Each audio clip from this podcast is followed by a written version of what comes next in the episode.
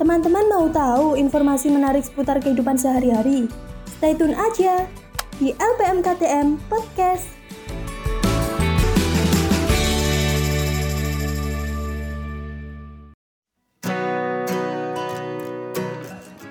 Halo sahabat, apa kabar? Semoga kalian selalu diberi kesehatan ya. Hey, LPMKTM Podcast balik lagi nih. Di kesempatan kali ini, aku, Rere Ranfilia, akan menemani kalian. Hmm, kira-kira apa ya yang akan kita bahas? Oh ya, gimana nih masa karantina kalian? Kalian masih melakukan kegiatan produktif? Atau malah udah bosan banget di rumah aja nggak ngapa-ngapain? Kalau aku sih ya seperti biasa, beres-beres rumah, bantuin orang tua, dan yang udah pasti aku lakuin, ya scroll-scroll sosial media nggak ada habisnya. Nah, ngomongin soal sosial media, kalian bosen gak sih sama konten yang isinya itu-itu mulu? Pernah terlintas gak sih di pikiran kalian untuk memanfaatkan sosial media kalian agar bisa lebih berguna? Atau bahkan bisa jadi ladang penghasilan bagi kalian di tengah pandemi ini? Asik kali ya? Kalau di episode kali ini, kita bahas peranan teknologi komunikasi di tengah pandemi COVID-19. Yap, seperti yang kita tahu, pasien COVID-19 semakin hari semakin meningkat. Wait, aku bukan mau nakut-nakutin kalian ya. Cuma biar kalian waspada aja dan selalu mematuhi serta melakukan apa yang dianjurkan oleh pemerintah yang sesuai dengan protokol kesehatan pastinya. Dengan semakin melonjaknya pasien COVID-19, otomatis masa karantina pasti akan diperpanjang ya kan?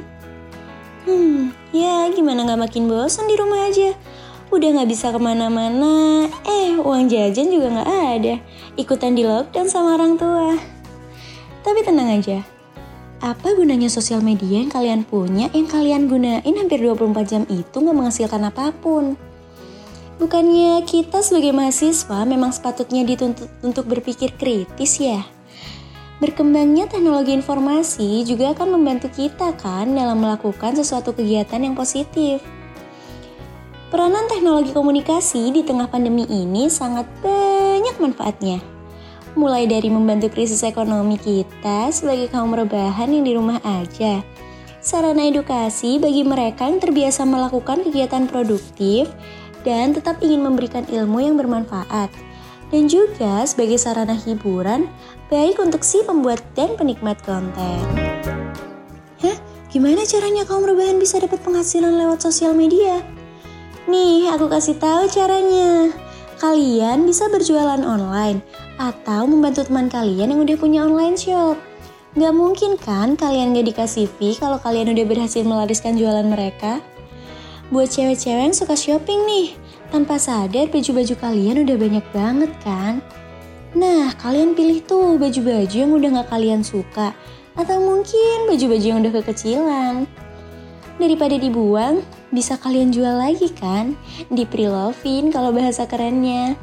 Ingat, yang dijual bukan baju yang udah gak layak pakai ya.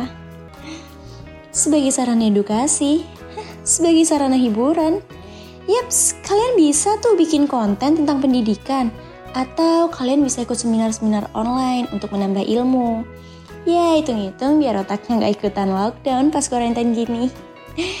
BTW jujur deh, di tengah pandemi ini banyak ilmu yang baru kalian tahu kan? Yang kayak aku lihat, para content creator juga banyak yang membuat konten tentang wawasan pengetahuan. Baik melalui aplikasi YouTube, Twitter, Instagram, bahkan aplikasi TikTok. Membuat konten yang menghibur tetapi tetap ada pesan positif di dalamnya. Seperti yang udah dilakukan sama para tenaga medis. Yaps, menghimbau masyarakat untuk di rumah saja melalui video singkat di aplikasi TikTok.